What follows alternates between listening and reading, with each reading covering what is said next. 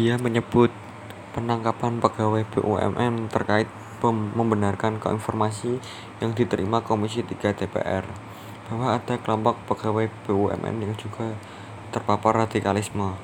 Kalau dikaitkan dengan penangkapan terhadap pegawai BUMN, maka ini seperti membenarkan adanya kelompok pegawai BUMN atau ASN seperti itu, tuturnya.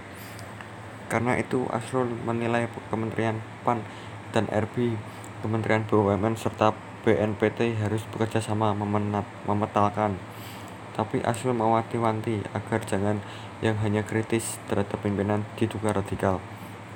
Nah, saya kira pemerintah khususnya dalam hal ini Kementerian PAN dan RB serta Kementerian BUMN bersama dengan BNPT perlu melakukan pemetaan yang lebih jelas serta terperinci tentang keterpaparan ASN dan pegawai BUMN tersebut dengan metode atau ukuran yang jelas dan akurat, kata Asrul.